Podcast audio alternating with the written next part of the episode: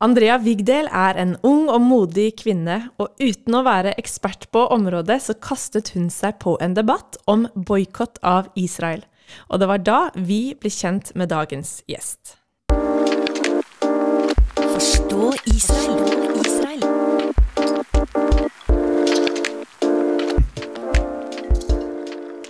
Vi har faktisk ikke møtt Andrea live før, men vi har blitt kjent via Instagram. Hun tok kontakt med Forstå Israel på Instagram, og etterspurte gode og innsiktsfulle argumenter på hvorfor det ikke er riktig å boikotte Israel. Ja, og det var da vi kom på banen. Oh yes, Og vi ble mm. veldig ivrige og veldig glad for at noen tok kontakt med oss og spurte om uh, vår hjelp. Så eh, ja, vi fikk lov å bidra litt, men det var hun som var den modige stemmen i ja. debatten. Litt om Andrea. Hun kommer fra Jørpeland utenfor Stavanger, er lektorstudent i Oslo og har fordypet seg i statsvitenskap. Hun har lenge interessert seg for samfunnet og politikk, ettersom det er der vi alle møtes, lever og samhandler, som hun sier. I tillegg så opplever hun at Bibelen også legger så mange gode prinsipper og verdier til grunn for å engasjere seg i samfunnet. Og Andrea er aktiv i Changemaker, som er Kirkens Nødhjelps ungdomsorganisasjon. Og hun er styremedlem i studentlaget i Oslo. Eh, eh, organisasjonen arbeider for global rettferdighet, heter det. Og en liten fun fact før vi ringer Andrea, det er at prinsesse Ingrid, Ingrid Alexandra inviterte lederen for Changemaker til sin 18-årsdag på Slottet. Hei, Andrea. Så hyggelig at du er med oss her i Forstå Israel. Jo, takk. Veldig kjekt å være med. Du har jo tatt kontakt, kontakt med oss på Instagram. Kan ikke du bare fortelle hvorfor du gjorde det? Det kan jeg. Eh, for det er sånn at Jeg er engasjert i en partipolitisk uavhengig organisasjon som helt konkret arbeider med politisk påvirkning og har et mål om å bidra til global rettferdighet. Og Det som var, var at eh, jeg var på en årssamling eh, hvor vi skulle diskutere ulike saker, debattere og vedta politiske standpunkt som skulle være med å sette kursen. For hva organisasjonen skulle arbeide videre med i år, året som kom. Og Mens jeg var på denne årssamlingen, så ble jeg observant på at en av de sakene som organisasjonen ville ta opp og ha et uttalt standpunkt til, var nettopp Israel- og Palestina-konflikten. Oi. Yes. Mm. Og det er jo veldig spennende. Det er spennende. Um, men og helt konkret så handler det om da om Norge skulle anerkjenne Palestina som, eh, som en stat og støtte BDF, som da står for boikott, dødsinvesteringer og sanksjoner mot Israel. Så dette er da en, en palestinskledet bevegelse som arbeider for araberes rettigheter i Israel, og arbeider for at israelere skal trekke seg vekk fra områder hvor palestinere har vært bosatt på og at palestinske flyktninger skal ha rett til å vende tilbake til sine hjemsteder i Israel, som de forlot med oppstart av, av staten Israel i 1948. Ja. Um, så, er det jo sånn, ja, så er det jo sånn at det uttrykket eh, BDS-bevegelsen gjør, kan virke gjerne ettertraktende. Og tilsynelatende så fremmer de jo liberale verdier og menneskerettigheter som mm. vi gjerne har verdi for. det. Samtidig så driver denne bevegelsen med å presse Israel og jøder eh, både økonomisk og politisk, og på en måte som skader den jødiske staten med konfrontasjoner, terrorhandlinger og ekstremisme mot sivile. I tillegg så rammer det òg israelske arabere. Så det har ganske mange uheldige utfall. Mm. Så med alt dette sagt, så kjenner jeg jo at jeg blir litt sånn paff i denne situasjonen. Fordi for det første så hadde jeg ikke observert at dette sto på sakslista. Nei, og så var det en stor sak. Ja, nettopp. Mm. Og så kjente jeg meg ikke helt forberedt på å debattere saken. Sånn helt plutselig. Litt sånn den følelsen av at åh, jeg skulle hatt mer tid. Um, for jeg syns sjøl at det, det, kan være en vanskelig sak. Uh, for det er jo en konflikt som både har en lang historie, har vært langvarig og er kompleks, har mange involverte, mange engasjerte. Um, så det oppleves litt sånn uoversiktlig, kanskje, eller iallfall definitivt er følelsesladet. Mm, ja, det er helt sikkert. Mm. Men så fikk vi lov å bidra med litt sånn innspill, da. Yes. Du, eh, ja, du etterlyste det om vi hadde noen eh, poeng og noen eh, verktøy som vi kunne gi til deg, som du kunne stå og formidle videre. Ja. Hvordan var det? Jeg først og fremst var jo så takknemlig for at jeg kunne kontakte noen som hadde med litt mer innsikt enn meg sjøl. Um, og det var et kjempegodt utgangspunkt for meg for å kunne ta dette her videre. Så sånn sum ut så var, var, det primært fire ting jeg endte opp med å ta opp videre. Det er spennende. Ja. Kan du dra de, eller? Ja. Ja, så flott. Det ene, ja, det ene går på egentlig at den, det oppleves litt som et urettferdig grunnlag for en boikott. Helt uavhengig av politisk ståsted, så mener jeg at det, det er verdt å stille spørsmålet om det lar seg forsvare å boikotte en stat for noe som mange andre stater òg begår, men som ikke boikottes av noen. Mm. Så um, det oppleves nesten litt som en slags mote å boikotte Israel. Ja, det har Og samtidig, ja, og samtidig så er det ikke til å legge skjul på at, eh, at eh, jødene har en ganske spesiell historie når vi ser på det Mm. som har skjedd her i Europa, som er en grusom historie. Så, så sånn sett så er dette grunnlaget uheldig, mener jeg. Det, det er det første poenget. Mm. Det andre er at araberne rettferdiggjør grusomme handlinger. Eh, og ja, helt siden 16, nei, 19, eh, helt siden 16, beklager, helt siden 1920-tallet så har araberne terrorisert sivile, og det gjør de fremdeles.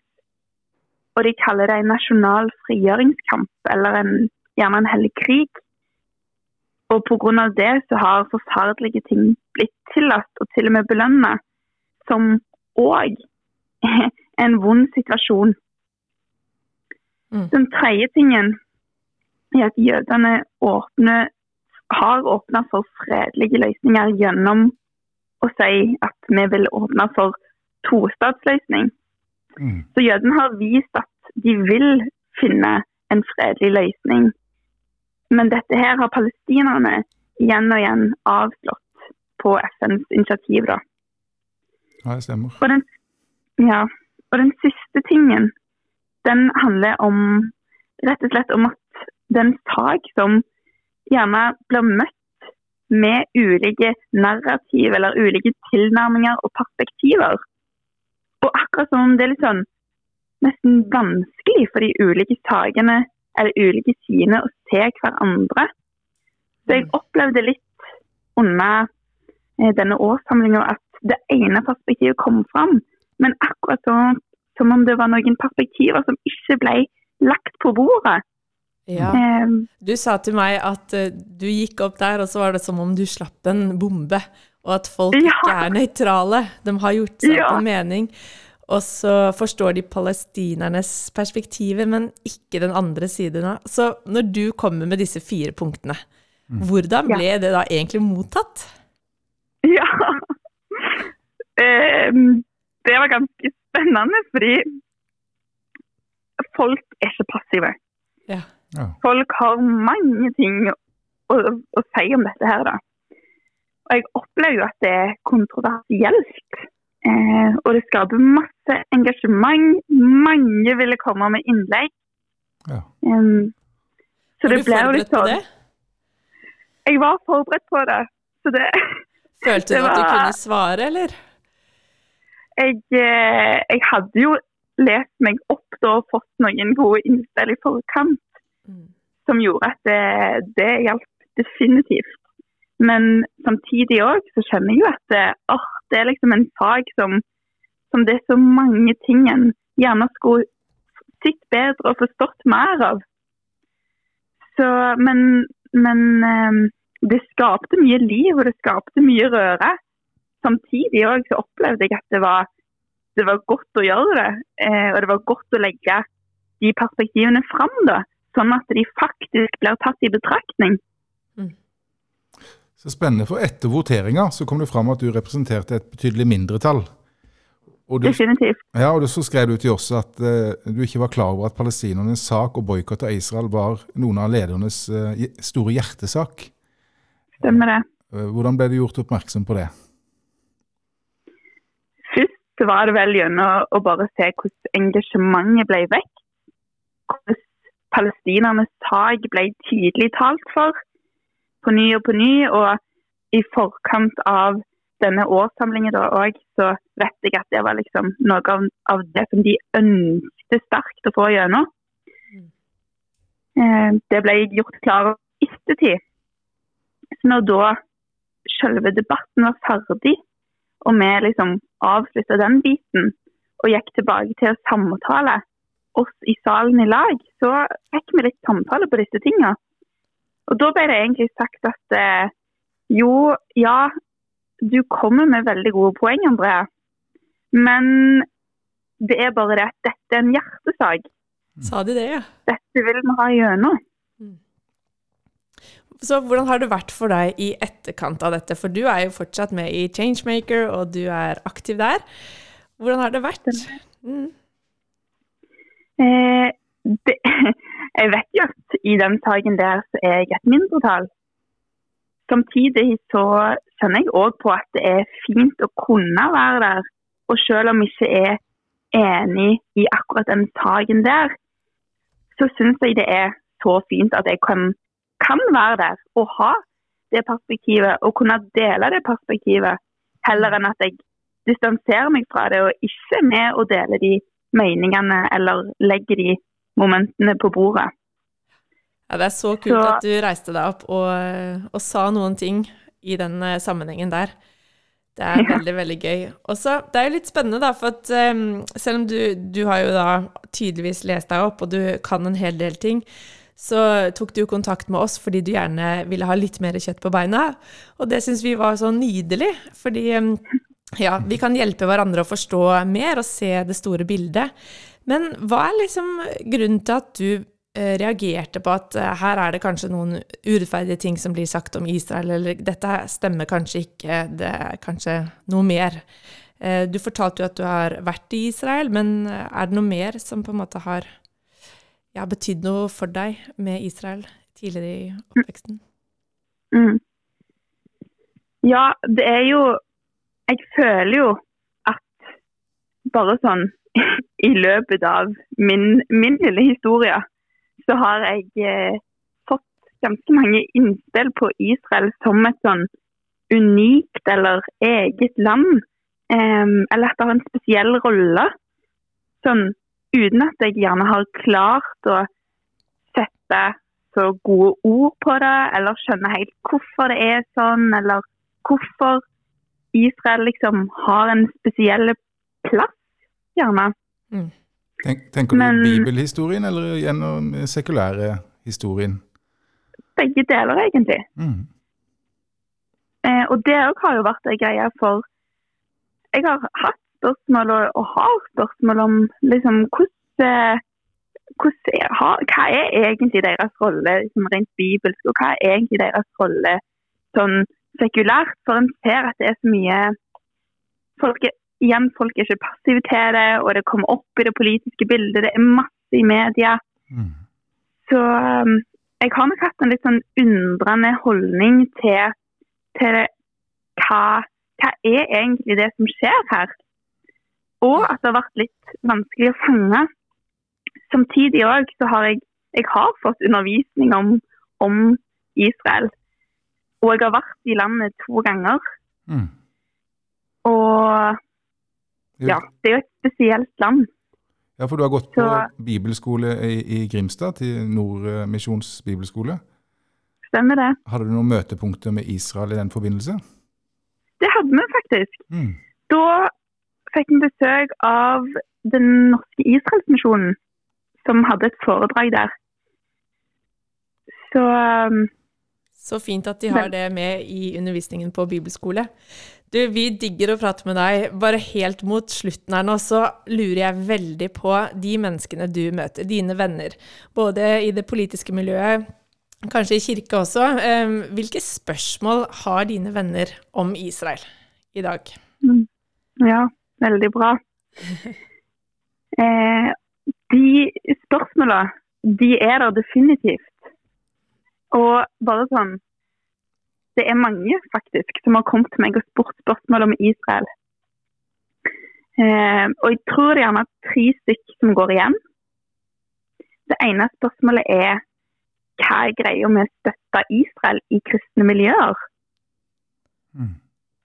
Det andre er er Israel så gale som det høres ut i media? Okay. Og det tredje er skal det være noe poeng å vise en særlig støtte til Israel? Bør vi ikke vise støtte til alle? Jeg noterer her, Mm. så må dette tas opp i podkasten. Dette er viktige Ja. spørsmål. Mm. Ja, det er sant. Mm. Og det gir mening til det vi òg driver med. Og jeg Mm. setter så pris på å møte en sånn stemme som deg, som åpenbart har et, eh, et, både et godt hode og et varmt hjerte, og kan snakke fornuftig og være med å balansere det her perspektivet med den betente konflikten.